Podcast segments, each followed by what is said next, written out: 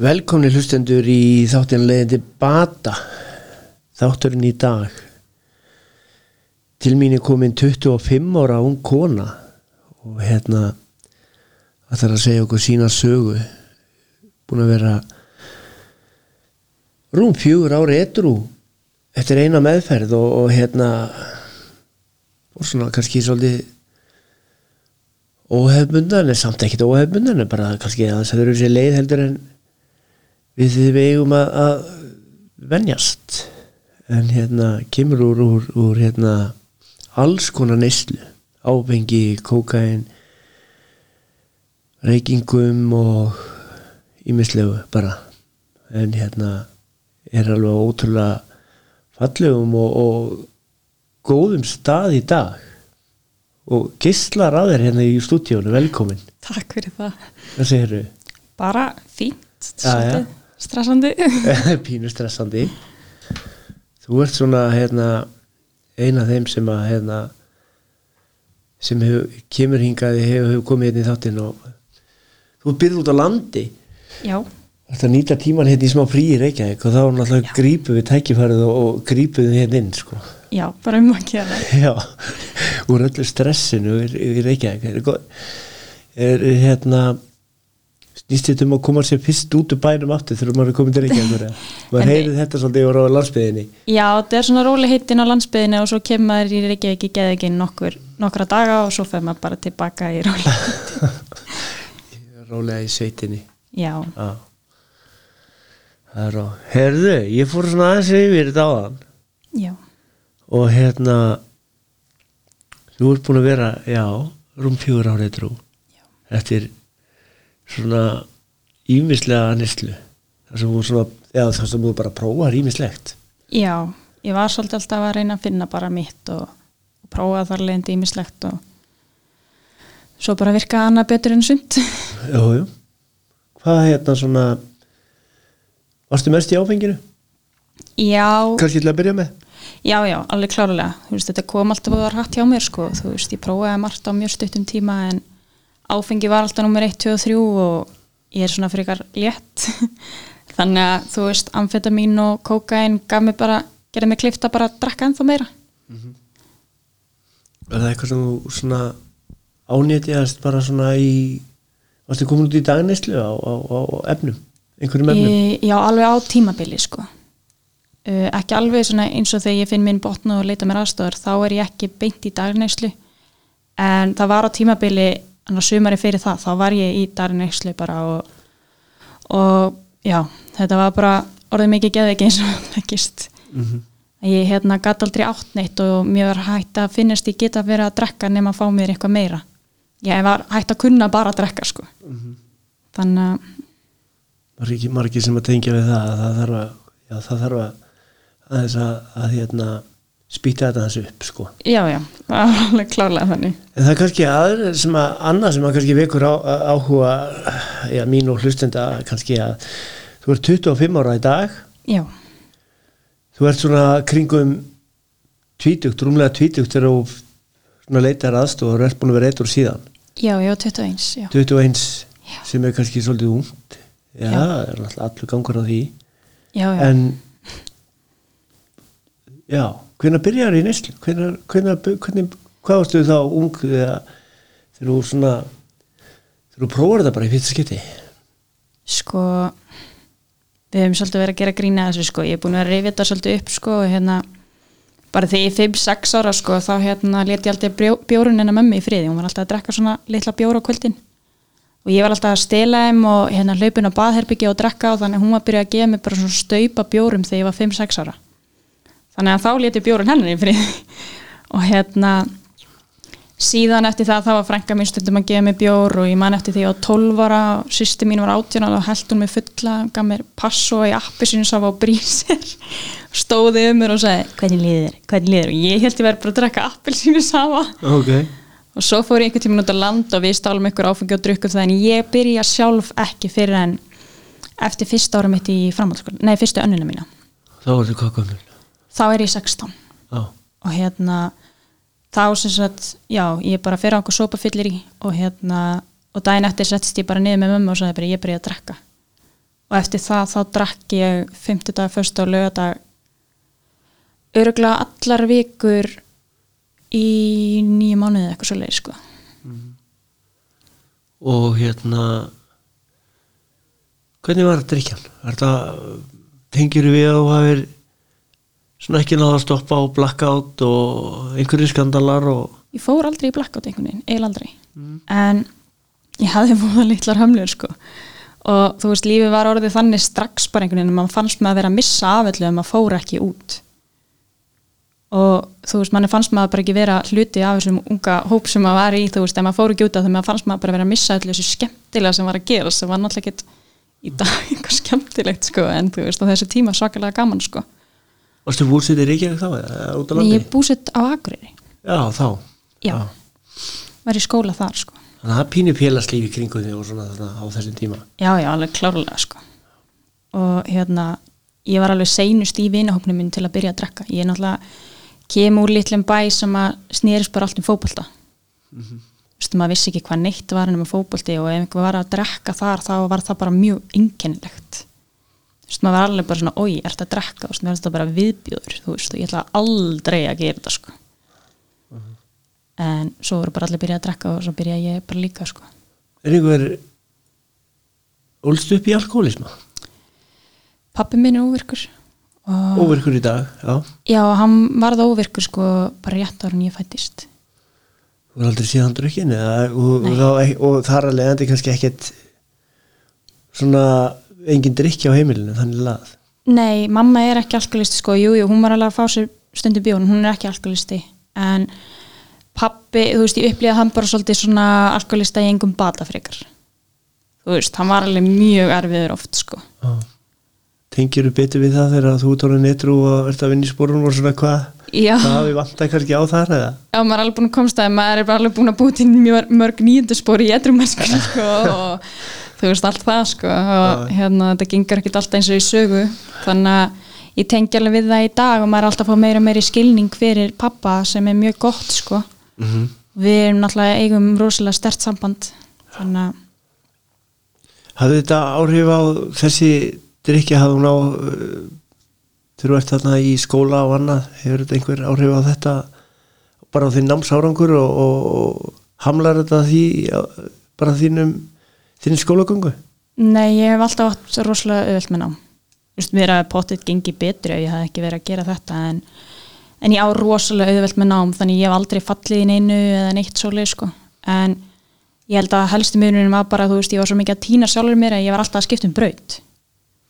En þann dag í dag er ég búið með sko í gamla kerfinu 170 og eitthvað einingar í framhaldsskóla en ég er ekki ennþá útskrifið á veist. Þannig ég er alltaf að skipta um skoðinu hvað mér langar að verða og hvað mér langar að gera, þú veist. Ég er var alltaf svo tínd í því einhvern veginn. er þetta ekki bara pölda og kláruðum verkefni sem, að bara, alveg. sem að maður bara svona það er svo bara að setjast yfir hvað maður vill, hvað maður vill klára Já, ég meina, ég er búin að vera í hár, hársnirtinum, ég er búin að fara í sjúkraleðan, ég er búin að fara í þjónin, þú veist. Þú veist, þetta er allt eitthvað þess að milla og nú ætla ég bara að útskrifast af sko bóklegri breynt. Þannig að þetta fer alltaf mis við allt einhvern veginn, þú veist. Maður var bara týndur, náttúrulega. manstu hvað hérna, verður til þess að þú ferði í óluleg fífnirni prófa það Sko ég það var held ég sko ég var byrjað náttúrulega að drekka og hérna ég held að tveimur mánuðum setna var ég búin að prófa amfetamin í fyrstskipti. Og ég átti þess að frængu sem var að en ég. Og hérna hún var svona mín fyrirmynd svolítið í lífinu og hún var mikið kringum alls konar svona virsen og þannig. Og ég var alltaf að leitast eftir einhverjum skilning á henni. Því að pappi var aldrei í neinum efnum, hann var bara í áfengi. Og þetta var svo fjärstætt mér þú veist frá þessum bæ þar sem eru engin fíknefni einhvern veginn að að kann þetta, þú veist hvað er þetta? Hverju er fólk að sækist eftir? Og það var eins með reykingarnar, þú veist ég fíla aldrei reykingar, reykingar en ég reykti öruglega oftar en hundra sinnum með eitthvað sko. Að ég var alltaf bara að leita að þessu góða sem fólk var að tala um sko. Þannig að það var bara þessi forvitni. Erum við ekki bara að leita að svona einhver, einhvers konar breyttu ástandi? Jú, algjörlega og hvað er best að vera sko. Já. þú veist, hvar, hvar líður manni þannig að maður sé bara með allt á hreinu eins og, eins og maður held sko hvernig leður á þessum tíma? Ég var búin að vera svakalega þunglind. Ég hérna, var náttúrulega mjög reitt bann alla mín afi og það skánaði ekkert með áfenginu sko og ég var mjög þunglind. Ég vissi voða lítið hvar ég stóð þú veist í samfélaginu og hver minn tilgangum var og ég var oft búin að hugsa bara þú veist hvort það væri bara best fyrir maður að deyja sko. Og það var alveg byrjað sko áður en að ég hérna fyrir út í ykkur að nýslu af ykkur að tægir sko. Þannig að Tengir við það í dag hvað, hvað þetta er þessi reyði sem hún talar um til dæmis um að, að þú er svona reitt barn og, og reitt, eh, svona reyð og, og þunglindi í upp, upp vastarárunum Já, það var náttúrulega bara eins og við lýsum svo mörg sko, þú við fyttum hverki inn og ég var náttúrulega veikt bann og hérna svaf aldrei og maður veit hvað maður er eftir eina sveflaus og nótt pældi ég að vera með lítið bann sem veit ekkit hvað að gera með tilfinningar sínur og það þannig alla daga sko. Þannig ég var mjög fyrirferða mikil og hérna og ég upplýði alltaf bara eins og ég væri fyrir öllum. Og þú veist sérstaklega að mömmu minni. Þú veist ég fekk bara, ég á ótrúlega marga góða minninga með mömmu en ég upplýði alltaf eins og ég væri bara eitthvað svona seinast og sort hjá henni sko veist ég kemur náttúrulega úr svakalega stóri fjölskyldu og mér bara eins og ég væri bara á botninum sko. Þannig þú veist þá byrjar þessi reyðingunin að spila inn í þú veist bara eitthvað svona af hvernig var að koma svona fram með mig og, og fleiri skilur ég upplýði þetta líka frá kennurunum mínum og mér varst ég hverki tilhera en þarna fekk ég allavega aðtikli þó hún var í neikvað að vera þetta samt aðtikli það er ótt það er ótt skrítið hvað við einmitt hvað við leiðumst út í og hvað við erum tilbúin að ganga langt til þess að bara hafa bara aðteklina sko. Já, já, það sko. Já, það var ekki fyrir ég flutti til Reykjavíkur þú veist af því að ég var mjög ofbeldi sneigð og hérna, það var ekki fyrir ég flutti til Reykjavíkur og fór að lýsa þessu fyrir einhver vinkon minni, þú veist hvernig rýmitt var á heimilinu og, og utan heimilisins og svona. Og hún var bara eitthvað hvað er að þér? Ég var bara, hvað meinur þau? Þetta er bara vennilegt og hún er eitthvað, nei, þetta þetta er ekkit eðlilegt við þetta, það er ekkit eðlilegt að sé líkanlegt ofbeldi milli sískinni eða eða þú veist frá fóreldrum eða eða bara í skólanum og, og líka síðan á skemmtistöðum þú veist, þetta var einhvern veginn allstar var ég einhverjum slagsmálum eitthvað fætingi og, og gera eitthvað að mér. Þú veist, af því að þarna fannst mér ég hafa eitthvað völd, þú veist. Ég hef búin að kýla miljón manns en ég aldrei verið kýld einu sinni sjálf, sko. Já. þú veist, og þarna fannst mér ég einhvern veginn þú veist, hafa bara einhverja stjórn á þessu þú veist, og hafa bara stjórn á ykkur var bara fínt, þú veist, og þarna gæti ég einhvern veginn bara verið svona svolítið augrandi og, og hérna fengi einhver aðtegli út af þetta þó hún var ekkert góð, sko. Er þetta svona þessi fyllir í og, og þessi, það bara, segjum bara neysla. Mm -hmm. er, er, ertu óbeltisnið í henni? er svona magnast, ma- magnast það upp þá. Já, ég gerði það alveg, sko. Ég held að á einu ári lendi ég í tíu slagsmálum með eitthvað svo leis minni mig. Og hérna en ég man eftir eitt af þessu slagsmálum gerði ég eitrú, sko. Þú veist, þannig að þetta var ekki bara áfengið en það magnast alveg upp í því. Það var alveg svo leis, sko. Einhver, eh, komst þér í vandra át þessu? Já. svona fyrir utan það að, hérna, að manneskinu líka ekki við því sem að kannski varðir en ég meina uh, Já, já, ég, ég fekk þrjár kærur á mig og hérna og tvær aðeim fóru síðan fyrir dóm sko. þannig að ég fekk skilusbundi dóm fyrir það hvað ertu gömur þá? Ég er 17 og 18 þegar ég geri geri þetta sko en ég er sannilega 19 eða 20 þegar ég fyrir fyrir dóm En þarna, þarna ertu búin að vera þá hvað tvö, þrjú, næstu þrjú ár svona í, í reglubindinni nýslu þegar þetta gerist, svona þú fær dóm fyrir, fyrir óbeldi Hvar, hvar ertu stödd þar?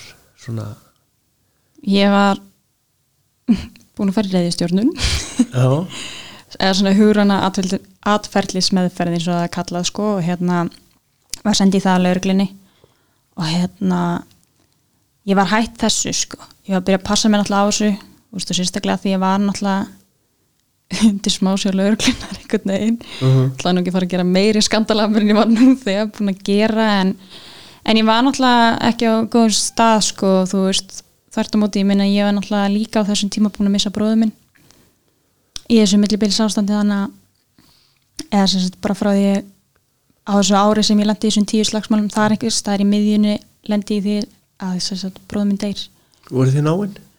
Við vorum alveg frekar náinn, já, þetta var elsti bróðum minn þetta var svona bróðum minn sem passaði mig og hérna mér þóttir rosalega væntum hann að hérna einhvern veginn, að því hann fremur líka sjálfsvík að þá ætti ég bara rosalega erfitt með að höndla þetta einhvern veginn og það reynir einhvern veginn bara allt sko hann, var hann í nýslu eða? Nei, hann var í yngri nýslu. En hann sagði við mig senast þegar ég hitt hann, það var svolítið magna sko. Hann sagði við mig hérna þá hafði hann pottitt notaði og notaði mikið. En hann tala alltaf um að það væri vendaringill lífarunum hann hafði aldrei séð fíknefni eins og Þannig er þú í, í nýslu Já, og verður svo upplifir þetta sko að missa bróðin sem að fremur sjálfsvík Mhm. hvað, svona, hvað áhrif hefur þetta á því sem unga unga, unga mannesku á í lífinu sko bara að maður sé ekki ósnertalegu fyrir áföllum sko. þú veist, þetta er náttúrulega bara hrundi allt í jörðin einhvern veginn á þessum tíma og, og hérna ég vissi ekkert hvernig ég átt að haga mér og ég var bara farin að hugsa sko mér fannst ég ekki geta lagt á pappa að missa annað barn úr sjálfsvíði þannig ég var bara farin að plana svolítið sko að lifa hann út sko og gera þetta svo bara sjálf þú veist að því ég sá engan tilgang með þessu lífi sko þú veist þetta var bara ekki góðu staði sem ég var á, alls ekki og ég var líka bara rosalega reyði rosalega langan tíma við bróðum minn að hafa gert, gert mér þetta þú veist. Að þegar maður verður svo sjálfhverfir í þessu öllu saman að, hérna, að hafa gert okkur þetta en, en svo bara með skilningi þá veit maður að svona veikt fólk er ekkit að hugsa um svoleiðis, það er frekar hugsa öfugt að þessu að gera okkur greiða sko. Þannig að þú veist þetta bara með skilningnum þá kom það sko en, en á þessu tíma þá var ég bara eitthvað brjálu sko þú eins og segir svona íhugaður þetta sjálfa að taka þetta í líf já, þú hefur kannski ekki þú, þú, svona, þú fórst aldrei þá brautsamt þú reyndir það aldrei eða? Nei en ég hef hugsað það frá að ég var ykkur tíma úlingsárunum sko. En þarna hafði ég náttúrulega verða það bara það að þú sért í raun og veru bara svona fyrir? Já, það var bara það sko. Ég fannst ég bara vera fyrir allstaðar og TVS-in allstaðar þú veist, þú veist, það var bara með fóreldri mínu, þú veist, ég döð vorkindi um að þurfa að eiga mig sko. Þú veist, að ég var ekkert nema vesen fyrir þau einhvern veginn, upplýði ég sko. Voru já, þetta er stór fjölskylda þú sagði það hann mjög stór, eru mörg sískinni já. Var hérna er þú eini alkoholistin að það? já, ég kem sko úr 25 sískinahóp sem tengjumst öll einhvern veginn. Ok. Og hérna eins og er er ég einu alkoholistan allavega eru fleiri að það? engin í ég, ég get alveg sagt að það eru fleiri skilri já, já. Ég er alveg með einn allavega í huga sko, en þú veist hann þá bara eiga það við sjálf og sig. Já, já, við draugum hann ekkert inn í þennan þá strax. Hann kannski kemur setna já, já, já, já. En það kemur líka inn á þetta sko að þegar ég verði mitt eitru og þá fannst öllum það búið sjálfsagt, þú veist bara já, þú veist, þú varst bara svona loksins? Já, og, og bara klárlega þú sett alkoholist meðan að að hitt sískinni mitt sem ég er að tala um það, hann er, hann er svona gullprinsinn sko og hérna og það er svo mikil skömm að hann sé eitthvað, þú veist, þannig að fjölskyldin er svolítið meðvirk og í fyrirleik með það sko. En að því ég var hvort að ég svarti söðurinn, það var bara fínt að ég var bara einhver fíkil skilur með einhvern stippil skilur hvernig var að útjöða sér efni þú, þú, þú sagði á það sko í byrjun að kannski þekktist ekkert mikið fíknefni þarna svo hefur þetta náttúrulega breyst með árónum eftir sem árin líða, það er alls það sama hvað þú ert skilur það er alls það að komast í fíknefni en þú svona ung og komin í þetta mikla neyslu á alls konar efnum mm. hvernig var að útvega sér þetta? Ég er náttúrulega býð í bænum á þessu tíma Þú byrðið bænum hérna í Reykjavík á þessum tíma, á þeim, já, á þeim tíma, já. Já, ég bý í bænum á þeim tíma sko. þannig að hérna, ég hef aldrei vitað til þess að sé verið að selja neitt svoleiðis, ekki mér vitanlega sko, í mínu bæ Nei, þannig að ég er náttúrulega flúði bara hingað sko. og það er náttúrulega bara mjög einfalt já, já. Félagskapurinn, bara kynast þér þetta fólkinu og svona einhvern veginn. Já, já, ég klárlega, ég skipti alveg um vinuhóp og talaði sem minnstu fjölskyldin mína þegar ég var á þessum stað sko. Þannig að hérna, mér fannst ég aldrei hafa brotið að neinum að því að ég var ekkert í samskiptum við þetta fólk sko. sko 20. og 1. februar 2016 já, þá farðu nú já, svona finnir það bara svona sjálf þetta er bara ákvörðin þú bara virkilega er það ekki bara tekur sjálf já þú veist, ég var oft búin að hætta á sunnudegi og byrja áttur að drekka mándegi skilur mm -hmm. þarna vildur eitthvað meira Já, og þetta var alveg á stórum parti fyrir fjölskyldina. Ég hef búin að hafa mér svo gjörsalega miklu fíbli fyrir fram með fjölskyldinu mín einhvern veginn þarna. Ég vildi aldrei vera að draga þau inn í þetta. Þannig ég hérna ringi mömmu og bið hana um að ringja sér á von og fá ráðgjöfa vital. Og fyrir þangað sko. hvað fór fram í þessu ráðgjafa viðtali? Hann spyr mér bara, þú veist þessi spurninga, veist hvernig neysli sé að koma úr og alls konar þannig og ég segist vera að koma úr áfengisneysli. og hérna, Já, þú meinar að þú sagðir ekkert meira nei nei. Nei, ég var ekki alveg tilbúin í það sko nei, nei. og hérna hann spyrir mig hversu lengi ég sé búin að vera í eitthvað þá og, og þá voru liðinir einhverjir fjórir dagar eða eitthvað, ég man ekki alveg hvað þetta var nákvæmlega og hérna við metum það bara þannig út frá mínum aðstæðum og minni, minni fík sem ég lit hann vita af allavega að væri best fyrir maður að fara bara í göngudeld og hérna Þannig ég bjöfst að liti bara í von já. Já. Og þar var ég náttúrulega bara ég var engungu með fólki sem var búið að fara hann á vók sko. Og þetta var svolítið brenglega, þetta er náttúrulega svona grúpur í klukktíma og svo eða að fyrirlestur í klukk- klukkutíma og síðan grúpur í klukktíma þetta var ekki ekki hérna kynjaskipt. Og Blandað. þetta var blandað og það var ennþá farið með aðrileyspann ég man ég var seinasta til að útskrifast með og fá aðrileyspann Já, í skjali sko. Og hérna mér finnst þetta rosa tröflandi að hafa þetta blanda sko. Já. Þetta var alveg, já, bara virkilega óþægilegt sko. Það hefur svolítið trublað þína eitthvað sko líka að ég, svo ég svona að ég veit aðeins meira eftir við kannski hlustum Já. núna og við ætlum að koma að sinna það. Þetta, þetta blandaði kerfi hefur það hefur það hefur skemmt. Mjög mikið. Já. já, en þarna, áður við komum kannski að því þarna hvernig gekk þér að vinna? Svona, þú veist, með þessa eins og vorst að lýsa fyrir okkur á þessa reyði, þessa og bara vonbriði kannski innst inni kannski með sjálfa þig. Hvernig gengur þér að setjast niður í grúpu og og vera heiðarlega og fara að vinna. Er það eitthvað sem að þú ákvæmst að gera strax eða tók það tíma? Mér fannst alveg magna að vera á fyrirlesturunum sko. Já, alveg, bara eftir hvern fyrirlestu fannst mér þetta bara geggjað. Hvað sást á þeim? þetta er bara þetta hefbunna maður fór á meðvirknis námskeiðin maður fór og fræ- fræddist náttúrulega um alkoholisma og hérna bara meðferðarstofnannar og alls konar þú veist og ég, ég hef ekki tömynd um þetta væri eitthvað sjúkdómi sko ég var ennþá bara í þetta væri bara aumingiskapur sko eða eitthvað svo leiðis, en þetta var mjög magna að vera þarna og fræðast um þetta og Það hefur allan svona síast inn þá að Algjörlega. Að er bróka ég með hennar sjúkdóm Já, það Já. gerði það alveg ótrúlega mikið og hérna en maður ma- var alltaf með þessa mín í alltaf kompleksa skilur ég var alltaf svona, ég fór ekki inn á vók Akkur er fórst ekki inn á bó? ég veit það ekki eins og ennþá ég var hérna, ég man samt að ég sagði við hann ekki bara, ég væri bara í áfengisnýslu heldur sagði ég líka við hann hérna ég var að vinna á veitikúsi Mm. og ég segi við hann sko ég get ómögulega að fara eitthvað í burta því að það er að koma food and fun og ég verð að vinna. Og hann bara já ok, geggja hérna, getur ekki tekið bara kvöldvektur og ert hérna á dæni, ég jú það er frábært. Þú veist þannig við tókum einhvern veginn þessa okkur út frá því að það var food and fun að byrja Eh, Hefur þið ekkert langað að fara inn á bó? Eftir að þú varst eitthrú? Jú, ég hef alveg hugsað sko, þú veist meira fyrir formundin sakir sko Já, er það? Okay. já, þú veist, og ég hef alveg hugsað að þú veist, það hefði sannilega verið kannski best fyrir mig sko mm. en, en þetta gekk alveg ágætlega Nú heyrir mikið af hérna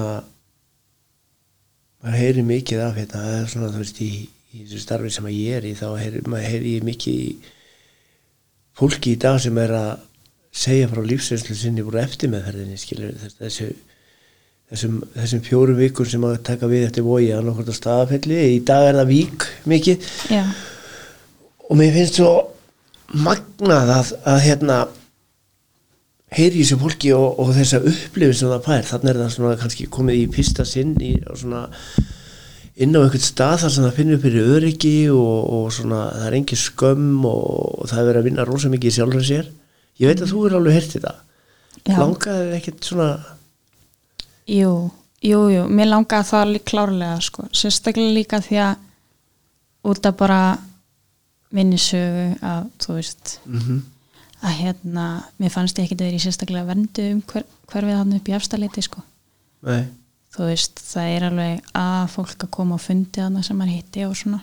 Mm og hérna Marta því tröflaði mig líka.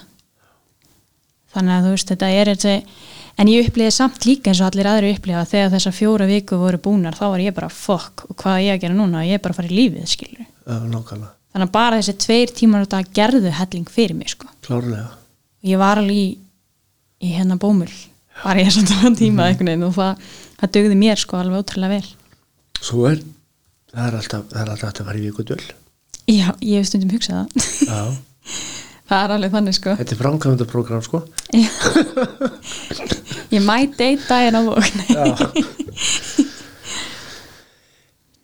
en þarna hefst þess að bara svona eins og þú varst að segja mér finnst þetta svolítið vilja orðið komast svona að þú veist, upp, fjóra vikurnar eru búin að hvað nú?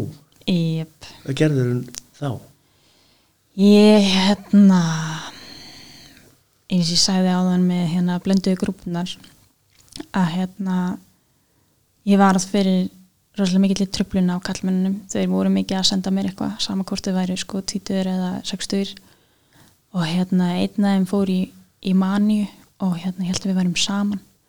Fór að elda mig út um alla Reykjavík og ég man hann byrtist í stræt á skilunum mín einhver tíman og kom í vinnunum mín og kynnti sér sem kærasta minn og alls konar svona. Og hérna ég var bara rosalega pyrruð og reið einhvern veginn, þannig að ég bara hætti að mæta á fundi einhvern veginn af því að hann var alltaf að segja mér að mæta á fundi. Og ég var bara nei, glimti, ég ætla núna ekki að mæta á fundi. Þú veist, ég ætla ekki að vera neinstæðar í kringum hennar mann. Og, eða í kringum þessa menn bara. Og hérna og náttúrulega eftir þessa fjóra vikur þá tekum við svona maður mátti mæta sinni í viku eitthvað svolítið í grúpu já, eftir, eftirvilni Já, og ég mæti í það eitthvað skipti. Var ekki til þess að þrísvar og hérna þá komst ég þá var ég alveg farin að hugsa bara shit, ok, ég ætla bara að vera eitthvað í smá tíma þetta svo í það. Og hérna bara fyrir fyrirskildina að vera eitthvað í smá tíma.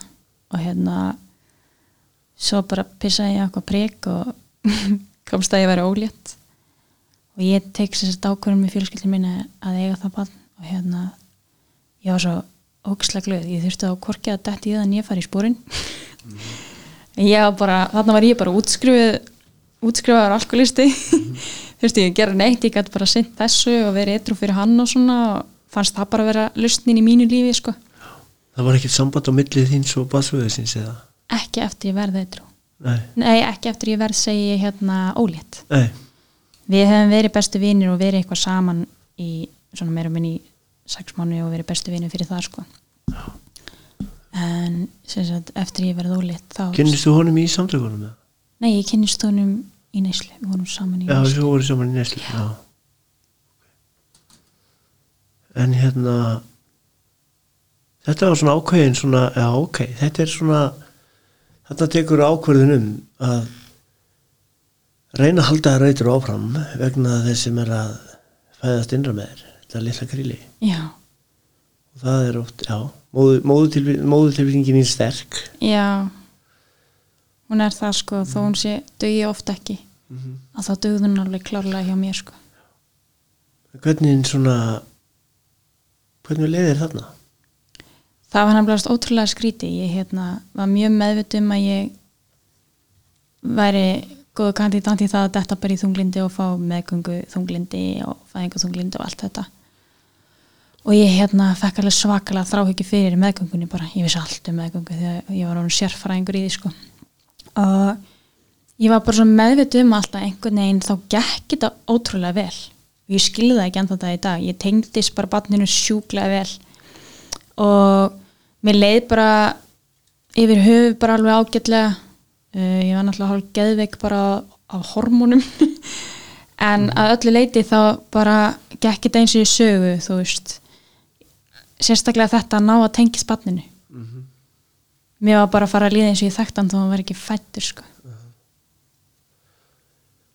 en þunglindið og skapkjærprestinir og annað náðu þið svona ég var náttúrulega, eins og ég segi, ég var að veika hormónum sérstaklega sko, ég tók alveg tók alveg nokkur kost á alls konar fólk og kennararnir mínur á þessum tíma þeir tiplu bara á tánunum í kringum mig sko, það var eitthvað svona gamli kallar.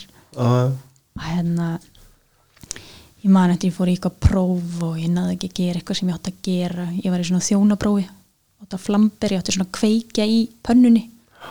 Og gekk ekki nógu vel hjá mér þannig ég bara hendi svo disk og kasta þessu í dómarinn og fór að hágráta og ég var alveg brjáluð sko. Og þú veist þannig ég var Ólétt. og ég var svolítið þannig sko í mörgum samskiptum mínum þarna en ég bjó alveg á þessum tíma í Reykjavík og, og hérna var náttúrulega búin að átækja með mörguleiti við neyslu vinn mín þannig ég var mikið ein nema bara með bumbunum minni sko. Mm Svo því sem vorst að tengjast bara já, ófættu barniðinni já. Já, og já, finnst í dag ég hef ekki geta byggð um það að gengi betur allavega. Nei. Fyrir utan. Kannski hefði verið gott að vera í spáprogrammi en það er fínt sko. Bara svona fyrir domnöndina í skólanum. Þó, þó ekki væri nema bara fyrir hana. Já, nákvæmlega, það var alveg þannig sko. Ó. þannig að þú ert svona þú finnur ekki fyrir finnur ekki mikið fyrir löngun eða þú veist svona píkn Nei, ég, hún var alveg tekin að mig bara um leið og ég sá tvö strík á priki sko. mm það var alveg magnað veginn.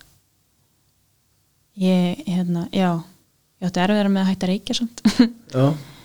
En eða sem þetta reykja bara sígarettu basically. Aha. að ég reykti sígarettur á þessum tíma. En mér fannst ekkert mál að sleppa áfenginu svo kemur lítil kró í heiminn. Já. Og svona sólageslin mm, og þá er komið bara svona allt annað, allt annað stöð, staða á borðið. Þegar hann er mættur. Já, það er búið undirbúið það vel og eins og segir og þú veist að tengjast tónu Mm. vel og annað. En svo fer einhvern veginn svona lífið á stað og já, þú átt að fara á stað með honum. Já. Og það var ekki bara mitt, þú veist með honum heldur líka með náttúrulega pappans í neyslu. Og þetta var bara rosalega töff tímbil þú veist, einhvern veginn þegar ég var að upplifa þetta fannst mér þetta dásanlegt þegar ég lítið baka þetta var bara helviti hvernig nýslu var hann í? hann er í cannabis, kokain, áfengi. Yfirleitt. Svona svissa svolítið á milli. Og einhver svona átök sem að byrja þarna þá? Já, já og ég byrja bara rosalega mikla meðvirkni. Ég var alltaf bara að halda honum góðum. Ég var eiginlega, þú veist, ég syndi sjálfur mér voða lítið sko. Og ég man eftir á þessum tíma eins og vera með svona lítið bad hann var alltaf til hafður strákurum minn. Rosa snirtilegur og flottur uppklættur og allt frábært. Og ég í náttslónum já, þannig að hérna, þetta var alls ekki frábært sko, ég grét mikið rosalega mikið. Og þetta var bara miklu meira heldur en ég bjóst við, þú veist að fara að sjá ekki bara ábyrðin á batni, heldur líka bara að ég er mest að bíamanniski heiminum og hafa aldrei gert neitt nema að vera bara að vinna og þannig einhvern veginn satt maður bara uppi með eitthvað batn og það bara grét skilur og maður þurfti bara að vaka með því og, og vera í engu prógrami og engri rútínu eða nokkuð til skapa hlutir, þetta var bara svakalega erfiðu tími. Tengdur þið þarna einhvern tímann að bæta við í A? eins og, við, eins og við köllum það oft. Amma stráksins minn spendi mér á rútina já, Eh, ég var alltaf alveg að fara eitthvað að skoða bara morgun. Þannig að hérna þetta var svolítið þannig sko ég hafði hugsað þetta en ég bara einhvern veginn ég vissi aldrei hvernig samfélaginu og og, ennþá svolítið kannski varstu bara hrætt ennþá við að fara í A? Þú lítið náttúrulega vissir af því. Já, en var það út af þessu þarna, þessu áreiti sem verið fyrir? Á blöndu grúbórum og blöndu fundunum? Já, svo er það náttúrulega það sem við höfum rætt. En þú ferði, þú, já, ef við komumst að koma að sinna það, þú ferði AA aftur, já, sem sagt á fundina og fullu og, og bara náðir í bata og, og svona og hérna, ætla bara svona að fara að vinna þetta prógram og, og svo leiðis. Mhm. Og ferðir á rauninu verið á staði í það. mm Hvenær er það? Það er, það er bara í byrjun þess árs já, það sem þú hellir er á fullu í þetta. já, Þá ertu ennþá búsittir Reykjavík. næ, Já, þá ertu í sveitinni, fa- fallegu. já í sveitinni Já, en hérna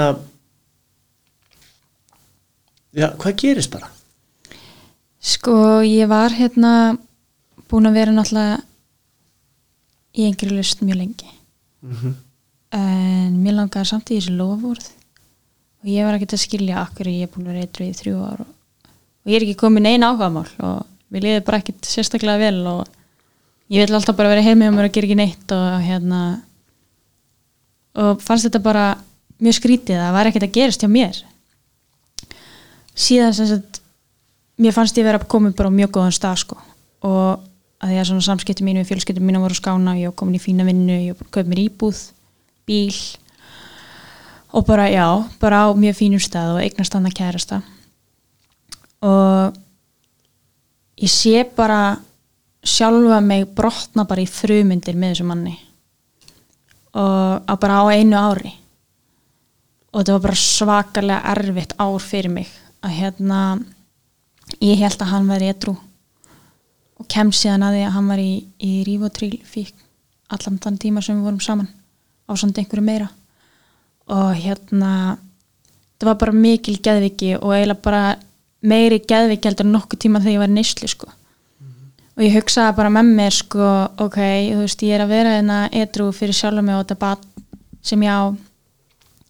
Og ég leiði bara einhverjum að koma inn í líf mitt og bara skemma mig þú veist, bara um leiði ég er búin að byggja mig upp þá bara brýtur hann það allt niður einhvern veginn.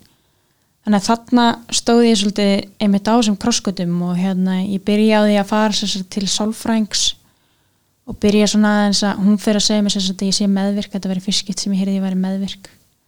Og við ræðum bara um margt og hún bara tala mikið við mig um náttúrulega sjálfsmyndinu mína sem var náttúrulega bara mölbrotin.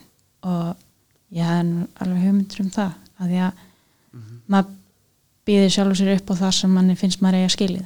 Og það hefði svolítið líta bara mig alla æfi í, í samskiptu við kallmenn sko. Og hérna þá fór ég bara á fullt þú veist, ég var bara að gefa hann braut mér svona niður á einu ári þá verð ég bara að byggja mig upp aftur á, á einu áruvandi og svo fyrir strákurinn minn sem sett í viku til föðu fjölskylduna sínas og ég fer alltaf í svona hálfpartin þunglindi þegar hann fer í burtu. Og ég er eitthvað svona já að ég kíkja bara á svona súmfund ég veit ekki eins og hvernig með datt þetta í hug sko. Og hérna ég man ég var ógislega lengi að komast inn á fundin og ég var svona 30 sinni búin að hætta við að fara á hann og svo kemst ég inn á hann og ég man ég kynnti mig vort sem nýlið hérna. Og ég ætlaði sko aldrei að láta sjá mig aftur á þessum fundi þar sem ég hefði bara hatt mig á pípli en ég sá eina stelpu sem ég þekkti og það bjargaði mér eiginlega sko að þetta var eitthvað sem ég kannast við. Þannig ég fóð bara á fullt í AA bara eftir hennan eina fund sko.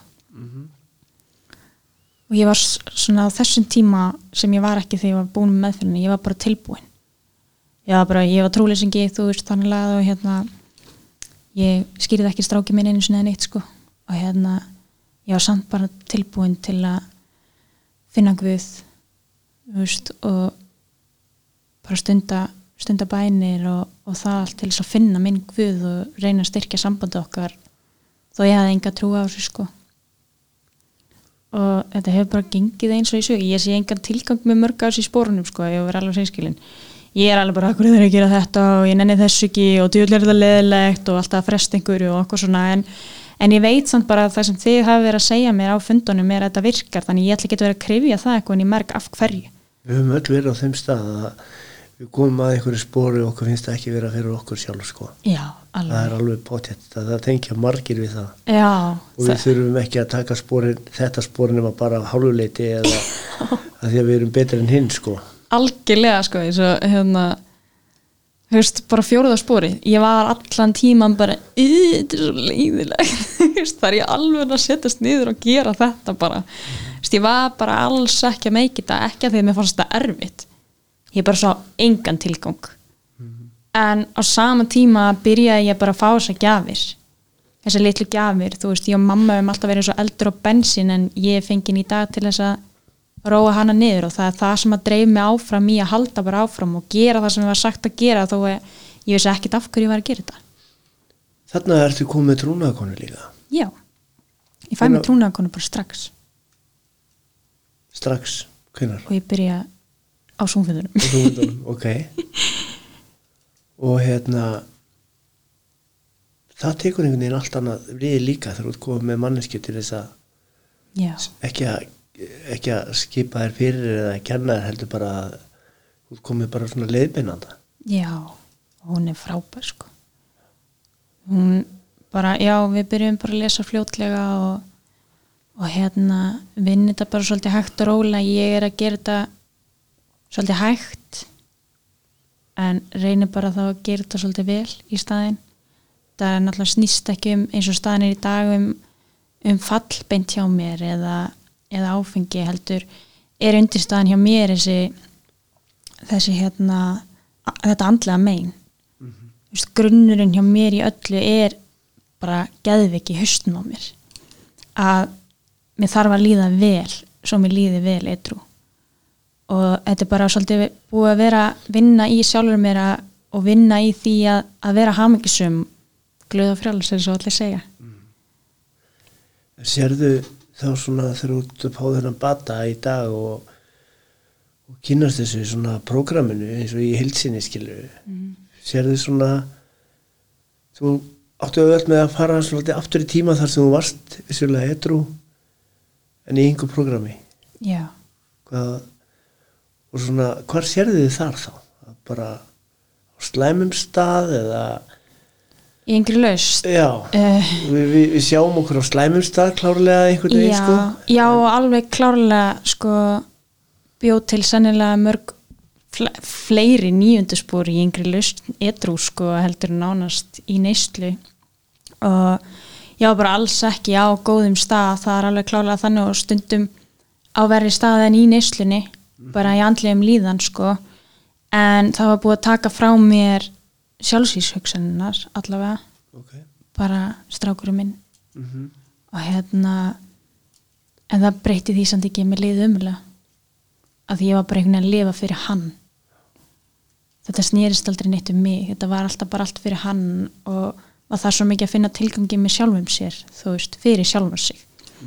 Að það var alltaf einhvern veginn það sem að vantaði hjá mér var að hugsa fyrst um mig.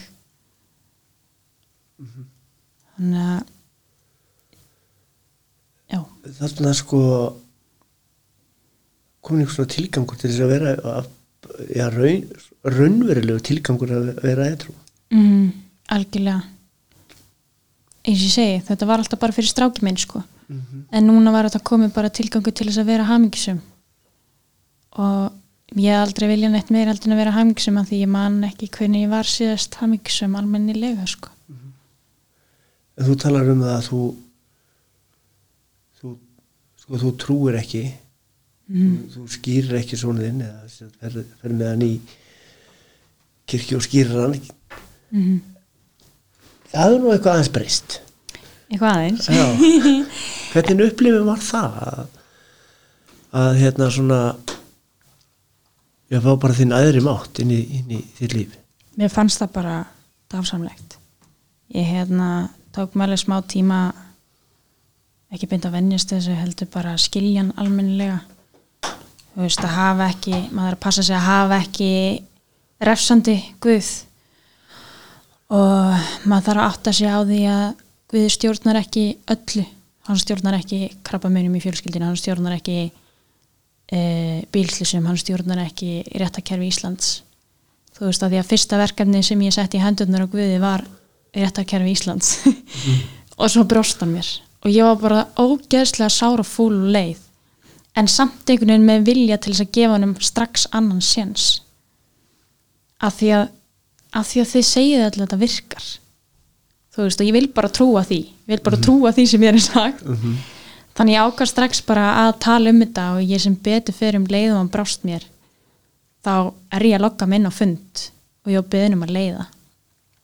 Og þá get ég bara svolítið talað um þetta veist og þá fekk ég bara svo mikið af, af einmitt þessu að þú veist hann er ekki að stjórna þessu hann getur ekki gert allt skilur en hann getur hjálpa mér að líða vel og sætta mig við hluti En Þú upplifir það þetta rétt að kerfi Íslands hafi bröðist þér. já Hvar?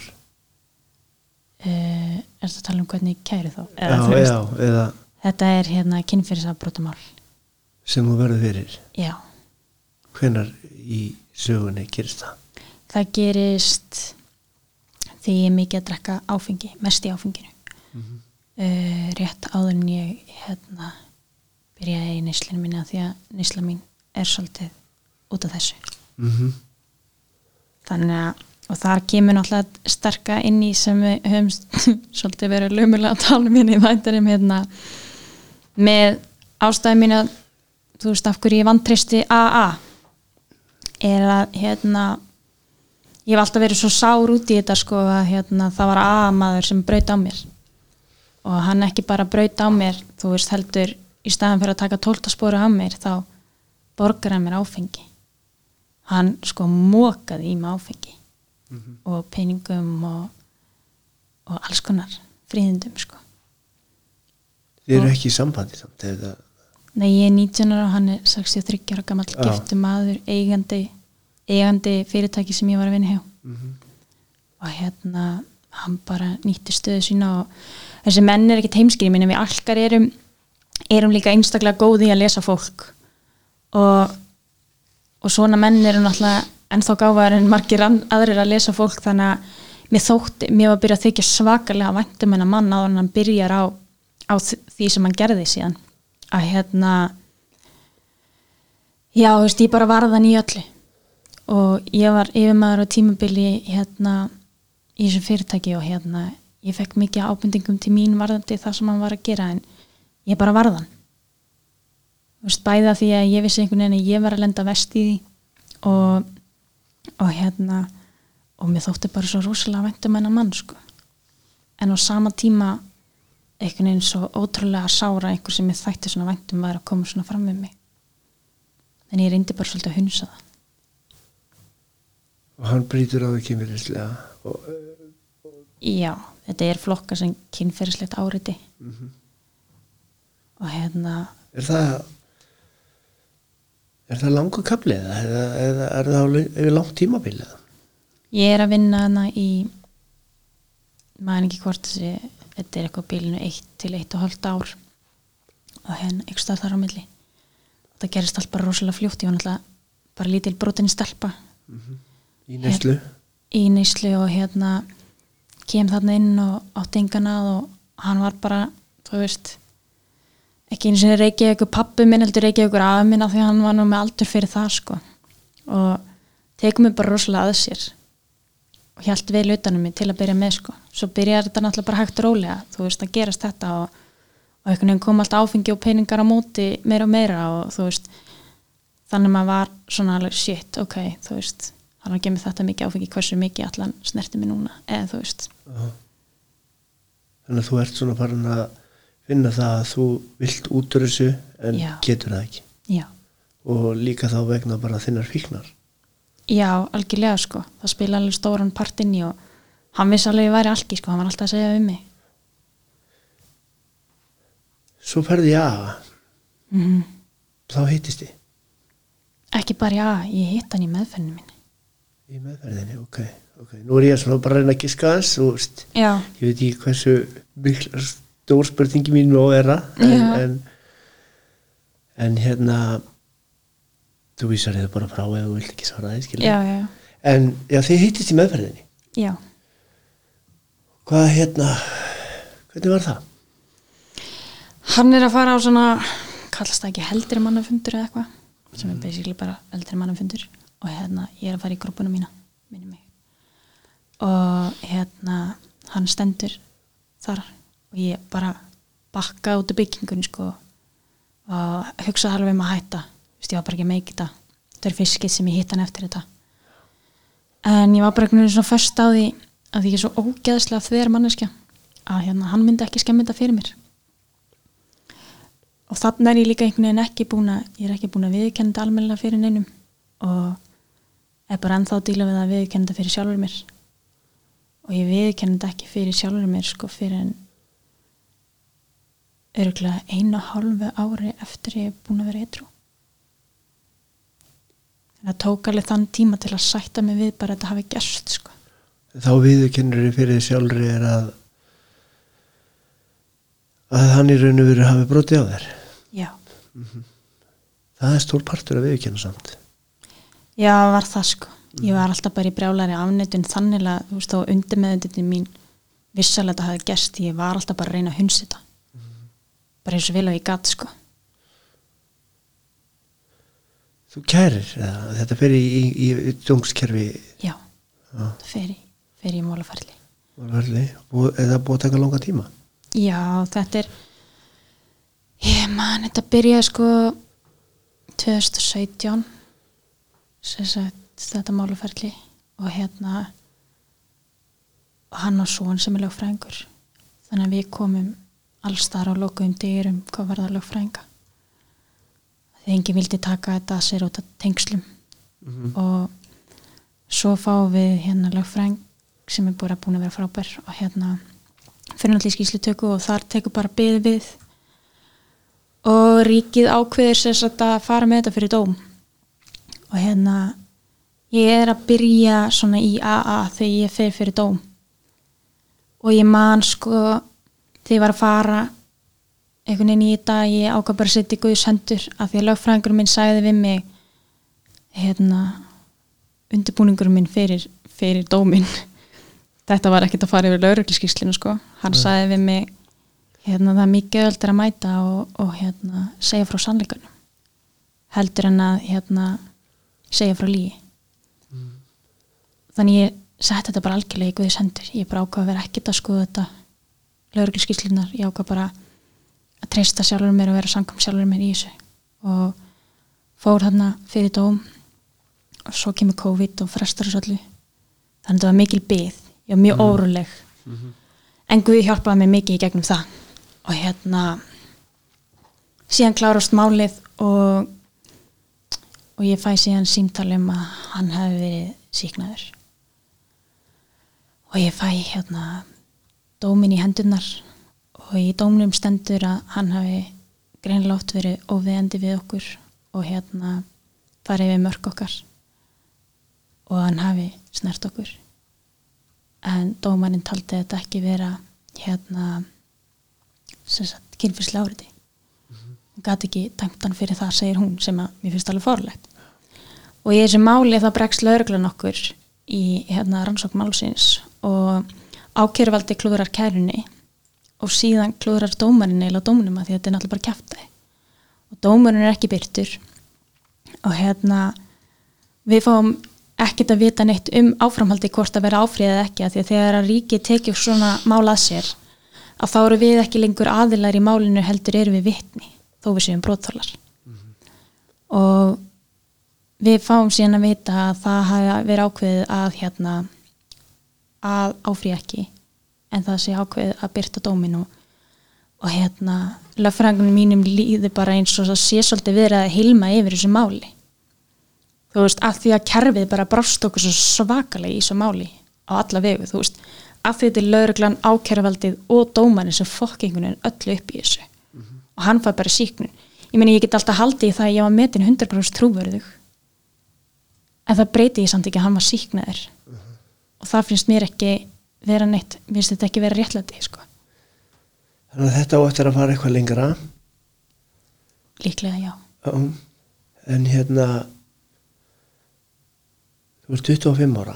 Já, þetta er nýskeið þú ert komið fjara ára eitthvað með sko mm. hvaða hvaða áhrif hefur þetta sett bara á bara þitt, þína sko bara?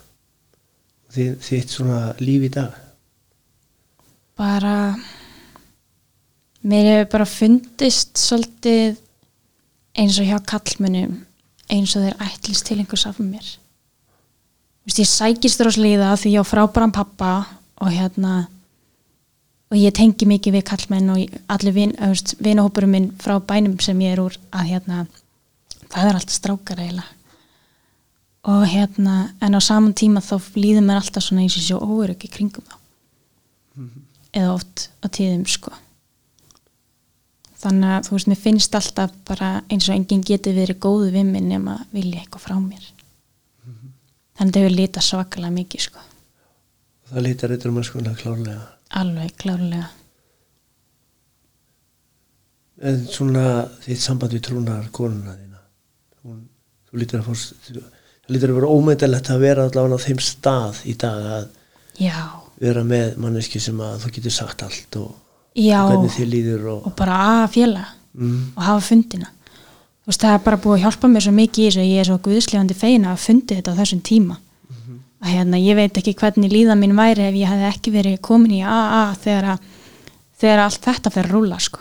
þú veist, af því að ég var alveg vonsvikinn þegar hann var síknaður og ég var alveg vonsvikinn þegar ég frétta, frétti að það er ekki áfríða en ég var ekki brjáluð eða neitt svoleiðis. Nei. þú hefur líka lent í því að þú hefur ætlað að mæta og taka inn meðalið eins og við segjum ótt og mæta á aðfund og þú sér þann standa í miður salum já, þú sest niður og tekur aðfundin já, já, það er bara því þau já, já. En ég er samt alveg búin að eiga svaklega erfitt með þetta sko hérna út af erðavenjum hérna, þú veist, ekki bara það að kerfi á Íslandi bregðist bregðist fólki sem verður fyrir kynfyrsleiri misnótkunni eða annað þá hérna og refsiði mér hreinlega að þá er það líka svolítið í AA að því að allir eiga eiga sinn rétt á sæti. Og ég skil erðavennina mjög vel að því við erum að koma úr alls konar bakgrunnum og búin að gera alls konar af okkur. Þannig ég skil þetta alveg fullkomlega og undir öðrum kringumstæðum væri mitt mál allt öðru vísi. En, en með þetta mál að þú veist ég ábara rosalega erfitt með að fyrirgefa óheðileikan sem hann sýnir í fyrir dóm og annað. Að þú veist, ég skil ekki akkur akkur mér þarf að líða óþægilega á fundum með honum eða hreinlega fara á aðra fundi þegar hann er á basically fundunum sem ég langar að vera á. Þegar það er hann sem er ekki að sækja sér batan heldur er ég í bata. Ég er að vera hreinskilinn og ég er að reyna mitt besta. En hann er bara að mér finnst ekki að vera heiðalegur En er erfitt að svona veist, það er erfitt að díla við þetta ég þarf ekki að spyrja því. Já. en svona nú þú komin svona eins og við fórum í gegnum söguna náðan, mikil reyði og þunglindi og kvíði í þínum uppöxti er svona er auðvelt að sittast fyrir því dag að sittast niður með trúnaðakoninni og fara yfir daginn bara, Af því að auðvitað geta dagarnir verið misjafnir. Já, já, já, klárlega. Það er, mér finnst ekkert mál að segja frá í dag bara hvernig mér líði. Þeir eru, ég reyna að lifa eftir því að verða bara betri manneski með hverjum deginum en við erum samt öll með mjög senna daga og sömu dagar eru bara klárlega verri en aðrir og, og ég náttúrulega er mikið í, í græmjulistanum, óttalistanum og kynheðunarlistanum, held ég hann heiti, hérna þegar ég er að gangi gegnum þetta. Að hérna þannig að og mér fannst það eiginlega bara þó ég sæi engan tilgang í þessu að þá samt var svolítið gott að geta sett þetta loksist á blað á sama tíma einhvern veginn. Já, þú veist að bara sjá hversu mikið þetta hefði litað mig og sjá á hvaða listum hann átti heima og þetta mál og annað og, og þetta er bara búið að vera drull erfitt. Ég er bara búin að eiga í svona ástarhattu sambandi við AA út af þessu. Það er alveg auðvelt að segja mig, verður bara kvennafundunum ég get samt alveg hitt hann í húsinu skilur ég, Já, og farið bara að þeirra fundi. Ég get það alveg. En mér langar líka að geta tekið mitt pláss alveg eins og hver annar, mér langar að AA sem mitt vendaði umhverfi og, og ég hitt hennar mann aldrei neinstæðar nema í kringum AA eða meðferðir. Mm fyrir utan í þessum dómsal. Og þetta er alveg erfitt að því að hann augra mér alveg á fundum hvernig þá, hvernig upplifir það? Bara stendur eins nálægt mér og hann getur sest bara rétt hjá mér. Hann hérna þeir sem þekkja húsið á heiðinskutinni hann hérna lappaði gegnum salin til þess að kíkja í hann á hann fara að kalla fund bara til þess að horfa á mig. Í smá tíma áður en hann held síðan leið sína á kallafundin þannig að hann er alveg finnst mér vera að reyna að láta mig líða óþægilega. En þú ert að nýta þér að samt. Þú ert að nýta þér programmið já, og, og það sem það gefur okkur til þess að koma til í gegnum þetta. Mm. en núna ertu búsett út í sveit. Það er ekki, svona næstu því, við erum ekki að gera lítið úr litlu bæja fyrir lögum út af landi þetta eru, stórbrotni staðir sem er, ég veit að þú ert frá mjög fallegum stað. Mm. en það er ekkert kannski mikið aðstarf í gangi þar. Og það er nú bara ekkert að því að þetta er þessi bær eða það er bara held ég bara allstar í ringin í kringu landið. En maður kannski á Akureyri og þessum stæðstu þéttbýliskjörnum sem að er kannski svona eitthvað skipulagt aðstarf og, og, og, og program í gangi en, en, svona á, í þínum heimabæ er ekkert mikið um það? Nei, það er fundur einu sinni í viku skils mér. Og þetta er náttúrulega rosalega lítill hópur. Þetta fer, ég hef heyrt að mestu voruð um 20 á einhverjum tímpúndi og svo hafa þeir verið bara tveir á tímabili. Uh -huh. og náttúrulega pappi minn er í AA hann er að vísu ekki fundaglaðasti maður í heiminum. En þetta er mikið pappi og vinir hans. Uh -huh. þannig ég veit ekki hversu einlega tjáningi minn er þið með því núna. Þannig ég hef alveg forðast það sko. Ég hef ennþá ekki mætt að fund heima. Nei, í bænum mínum. Nei. en þá hérna þá er líka gott að geta lokast inn og, já, og, og á skjánum eru bara 20 amenn já. Og, og þeir eru og eins konur. langt til virtu frá Já, og konur. En er það nokkuð, er það það nokkuð? Er ekki, þú veist fjarlæðin, jú, hún er talsverð en, en, Mm. en nándin er á skjánu fyrir framaði og tjáningin er í skjánu, á skjánu fyrir framaði og, og, og, og hérna andlitið er þar, skilur við já, og ég held ég geti líka Símanúmerin eru þar líka sko, já, á skjánum sko. já, og ég hef séð það bara í spjallinu fyrir og eftir fundi sem eru tölvöld lengri en á fysikal fundum Mhm.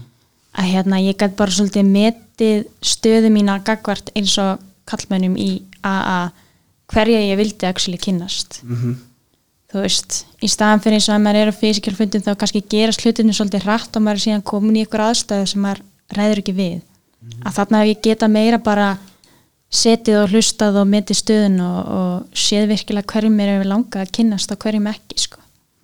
af því að eins og frásögn mín ber til kynna það er það er náttúrulega fullt af veiku fólki í AA og fullt af óheðilegu fólki AA sem er ekki bata. Og maður þarf svolítið bara að finna vinahópin sinn þó allir séu velkomnir.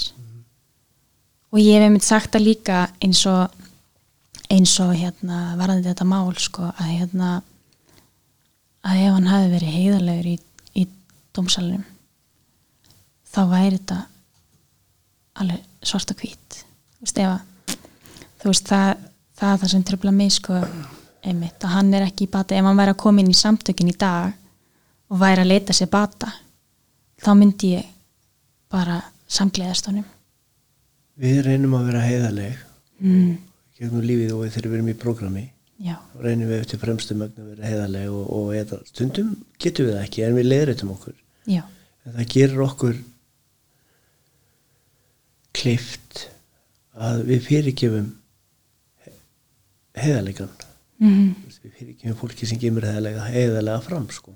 mm, þannig að já, þegar ég, ég tengi við það kannski að þú veist, já, þú hefur hann væri allt öðruvísi maður í dag kannski fyrir þér ef hann hefði bara á þessu tíu málsins þetta komið í dóm að satt og satt bara satt og rétt frá. Já klárlega. Þú veist að því að að því og ég segi þú veist ef hann væri mitt að stunda prógrami þá myndi ekki trubla mig að hann væri á sem fundum þú veist ef hann væri actually að leita sér aðstóðar Mhm. þá væri það bara svart og hvítu þar sem er umverleikin í dag sko. Mhm. En þú þú ert í prógrami já, þú ert að stunda mikla sjálfsansó já. Og tengjast aðri mætti mm. varstu fyrir svona svona fyrir svona rosalega trúlýsingja eins og þig kannski sem að skýrir ekki börni sín í kirkju og annað? Varstu, mannstu eftir þessu varstu fyrir einhvers konar sem þú hefur ótt heyrt svona andlegri upplifun, svona þú veist andlegri Já, ég var það. Ég hérna hugsaði að það er mitt fyrst sko þegar ég var að setja lífið mitt í hendurnar og guði. Bara, akkur er ég lungu búin að þessu. Ég væri búin að spara mér svo mikið að kvíðalífum að þú veist þú væri rík manneski það bara alveg ríkarlega rík sko. Það er alveg þannig sko. Þú veist, þetta er svo mikil frelsun að fá að vera bara í sátt skiluru og þú veist, vera bara í þessum frið þú veist, ég stjórna ekki að ég hef alla tíð verið að reyna að stjórna á einn og annan hátt og vilja fá niðurstöðu sem henda mér en ekki það sem er kannski rétt. Að þetta er bara búið að gera rosalega mikið fyrir mig og rosalega mikið fyrir meðvirknis sambundi mín sko að hérna ég get ekki stjórna basfæða mínum. Nei. ég get ekki barið að bókin í hausinanum þó ég væri svo til ég að gera það. En ég get bara lift honum að finna sinn botn og gefa honum tíma til að finna þetta bara sjálfur sko. og þegar það gerist og mann koma heðalega fram þá, þá getur við þá getur við hérna fyrirgefið. Alveg klálega hluti af þessu svona prógram okkar er að vera til staðar og, og hjálpa og aðstofa mm. en það sem, það sem eru kannski valla af hundir í bænum. Mm svona með tóltaspor og, og, og þetta bara tóltaspor starfið og svona uh, hjálpa öðrum og svona hvað hérna ég veit þú ert svolítið að þú ætlaði þáka sko og þú, er- þú, ert, þú ert svona þú, ert, þú vilt það. Já, klálega sko. Og þú sækist svolítið í það. Já, ég gerir það sko og hérna ég er líka bara í þannig vinnu að, að ég get ekki mikið verið í fastri þjónustu. Þó ég myndi vilja það sko. Og hérna að ég hérna er í bara svona aflýsingar þjónustum. Mhm. að reyta fundi og annað. Það er endur ekki það komið eins og að því að ég gerir það. Nei, nei. en hérna þetta er bara svolítið spurning um sko að hérna hjálpa bara öðrum saman hvort að sé AA fólki eða ekki. Þetta er bara vera til staða fyrir alla og, og eins og ég heyrði eina konu sem bjóð á landi tala um það hérna, hún var ekki að sponsa sem sagt í AA svona lesa bókinu með öðrum? Nei, hún hafði ekki tækifæri til þess þannig að hún fór í kirkjuna og vann eitthvað tólspora dæmi þar, Mhm. sem er ekki fyrir alkoholista. Mm. Þú veist, þannig að það er svo margt sem er hægt er að gera. Og ég er bara að vera að gera svona litla hluti fyrir aðra þú veist og ekki setja upp á skilti og gera Facebook status um það sko. finna að finna veljina sem að kemur yfir maður þegar maður virkilega finnst manni vera til staðar fyrir aðra, hvar sem er. Já, og bara gera litla greiða fyrir aðra. Þó sé ekki nema vaska upp fyrir einhvern. Eða þú veist, það þarf ekkit endilega að vera merkilegt sko. Nei, nákvæmlega, nákvæmlega. Að bara margt lítið gerir líka eitt stórt sko. Mm og ég reynir bara að vera staðar fyrir allt mitt fólk þegar þau þurfa á mér að halda. Þá reynir ég að vera fyrst á staðin sko.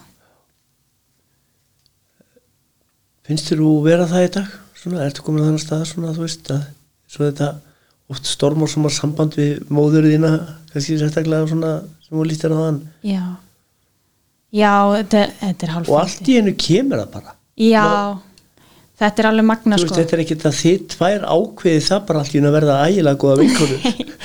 Þetta við- bara gerist. Já, við erum ekki líka bara ógislega góða vinkonir í dag, við vinnum saman, við búum hlið við hlið, mm við hefum aldrei getað verið í sama herbyggin á þess hérna áður fyrr. Og í dag, þú veist ef eitthvað, ef eitthvað gerist inn á heimilinu, þú veist, þá ringir stjúpappi minn í mig Mhm. til þess að fá mig til að róa mömmu. Aha.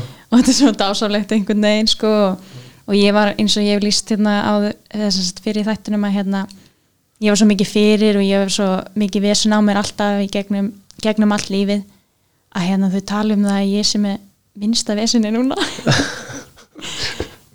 Veist, það er ég sem er bara til frið sko heima hjá mér í kósi með stráknum mínum og, Mhm. og bara hef það fínt að hérna að þetta er bara stórkonslega umbreyting. Það er náttúrulega kom eitthvað þessum gjöfum þegar ég var bara eitthvað yngri veist, það var alveg margt sem skánaði meðan annað versnaði. Mhm. en eftir að hafa byrjað í A-samtökunum er þetta er bara svart hvít ég er að fá þessar litlu gjafir, ég er að fá áhugamál Mhm. í fyrst skipt á eminni hver er þau? það er bara, ég held ég myndi aldrei segja þetta. Ok, útivist já, ég er alveg mannskjarni, ég hef aldrei þólað að vera úti. Nei, ok.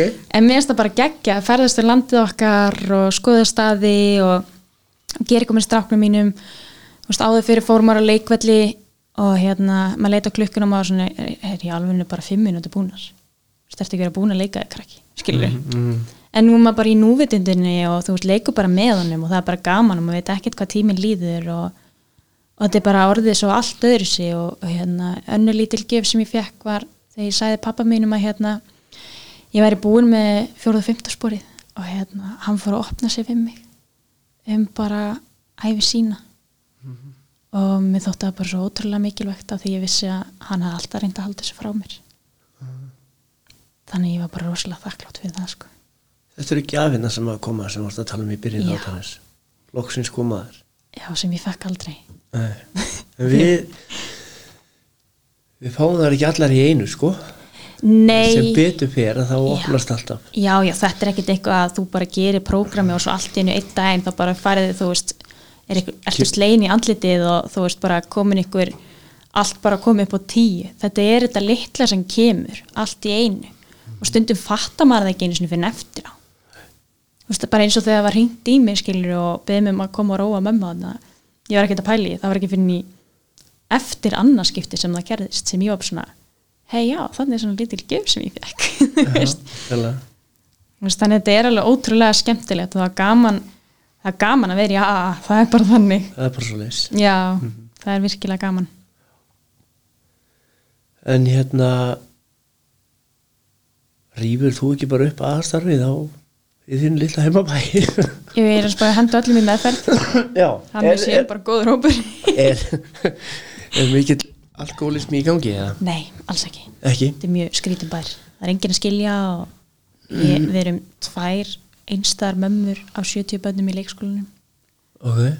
Skils mér? Og hérna þetta er mjög rólega bær sko. Að hérna en ég er bara duglega að sækja fundi því ég kem suður og er duglega á súmfundunum og ég er duglega að reyna bara að vera fyrir og eftir funda á spjalli til þess að tengja mig inn í AA ég heimitti hérna ég hitti þeim mitt á súmbundi Já. það var svona það bara við söguna en ekki söguna en og svona aðeins að tala á tjáði og það var eitthvað svona sem heilaði mig við það var svona þú veist þessi bakgrunn sem þú varst svona einlega og heiðarlega. Mér langaði að fá því í þáttinn. Og hérna, ég þakka kjalla fyrir að hafa sagt já. Að að ég svo segi það er það er ekki alltaf öll að trista mm. og með þín, þína sögu þá var ég gríðilega þakklatur og, og hérna máttinu hafa fengið að vera hérna með þér í, í bráðum 70-80 mínútur. Já, vá. Þetta er fljótt að líða. Ég segi þetta alltaf í hverju þetta þetta er fljótt að líða. Já, mjög, vá. Já. frábært að hafa fengið þig og hérna frábær lokavorði áraðan mm. við hérna við trúum því að, að hérna gjafin að koma áfram og hlutinni gerist áfram. Svo framalega sem að við erum heiðaleg og höldum okkur í prógraminu. Já, það er svo leiðis ég glimti því mér er svo gott að minna maður að hérna beði, ég hef beðið hlustendur að eh, viðmælendur, ekki hlustendur viðmælendur mín að koma með afbókina og lesa. Og þetta var svo mikil hraði hjá okkur þegar við vorum að skipulegja þetta. Þú var alltaf brjála að gera hjá þér í Reykjavík að ég fór ekki, en svona í lokin bara, mm. kapliðin í bókinni svona, hvað er það hvað er það að lesa í dag hvað er svona þitt uppáhalds hvað er mitt uppáhalds? Já. Það sem að hefur náð mér mest er kaplinn hann að það er til laust já, hann er mjög góður nei ok, á ég alveg að fara að velja svo er ég, og líka sagalega já. þetta er allt magna. Ég man að þriðaspósbæni náði mér alveg. Bara um leið á njánum og með já, trónum, já, já ég náttúrulega fer ekki á nýjan með trúnakonum minna því þetta fer alltaf gegnum. Trúmi já, já, já. þannig að hérna en það er bara svo mikið að fallu í þessari bók. Mm, sammála. Og bænirnar eru frábærar. Ótrúlega fallegar og, og já, þetta er bara hún er bara ótrúlega góð, ég held að þetta er hundleðileg bók ókslega mikið af flóknum orðum sem ég skildi ekki neitt og eitthvað svona. En það er bara virkilega skemmtilegt að lesa í henni og þetta er bara eins og að mæta fyrirlesturinn á hún ég mæl með þeim líka. Já, klárlega. Mm. þau eru geggjaðir. Og ímislegt námskeiði ég hann hefði báði en það er líka svo gott með aðbókina ég hef satt að ég náði þetta um að stundu þegar ég hérna minn tími heima er komin að ég þurfa að lesa mm. á deginum, ég les bókina á hverju degi. Þá fletti ég bara, ég veit stundum ekkit alveg hvað ég á að gera. Stundum er ég að lesa með öðrum og þá náttúrulega erum við bara konin ákveði langt skilur en stundum er ég bara að lesa fyrir sjálf á mig og rifja upp og, og tengja. Og þá bara, og fletti ég bara að stoppa einhver staðar. Og það bara blasi ég að skrifa 82 og ég byrja að lesa. Og þau, ég tengi strax skilur og ég bara allt í hennu bara er ég búið með fjóra-fimm blasíður skilur þetta er ekki hægt í annari bók að byrja í miðri bók og, og, og svona tengjast. Nei og svo er hún líka svo ótrúlega fullkomin einhvern veginn, það er eins og þetta hérna, þetta er ekki ef að út af byr heldur þegar út af byr. Uh og þú veist að það sé ekki verið að leitast eftir fullkomnum. Þannig að þú veist þetta leifir manni svolítið að sleppa svipinu á bakinu sko. já, að þú veist það er alveg lagi að gera mistök. En það er bara að halda áfram. Við verðum að það er lækjara mistöku við leirinu já, leiðréttum þau og lærum af þeim. Að hérna að það er ekki alltaf að að fara að rífa sig niður fyrir það sem að gerði vittlust svo lengi sem maður er mitt lærir af því sko. og það er óslega gott fyrir mig að því að ég ger alveg fullt af mistökum. Ég er langt frá því að vera fullkomin en maður vinnur að því að bæta sig bara með hverjum deginu en það er alltaf lægja því að það er engin fullkomin það er alveg smáli það er málið sko, það er ekki einhver einn eða eitt það er engin fullkomin mm. þetta var bóka þáttur hérna þáttarins. Það voru við búið með hann herðu, frábært takk enn og aftur og hérna gangi þér sem allra, allra best já, bara takk í- sem leiðis með þína sögu áfram. Já, takk fyrir. Þið lustendur góðir, takk, takk fyrir í dag og hérna, ég minna á það, ef að þið viljið, já, porðunast eitthvað um sögu gestamins í dag eða ræða við hann eitthvað um eitthvað að nóg komun inn á og, og ef eitthvað, eitthvað getur hjálpað ykkur, endilega sendið mér skilabóð og það er þetta tengingur við alla viðmælandi þáttarins. Þannig til í næstu hugu, þið vitið að farið vel með ykkur. Númer 1 og 3. Takk, takk.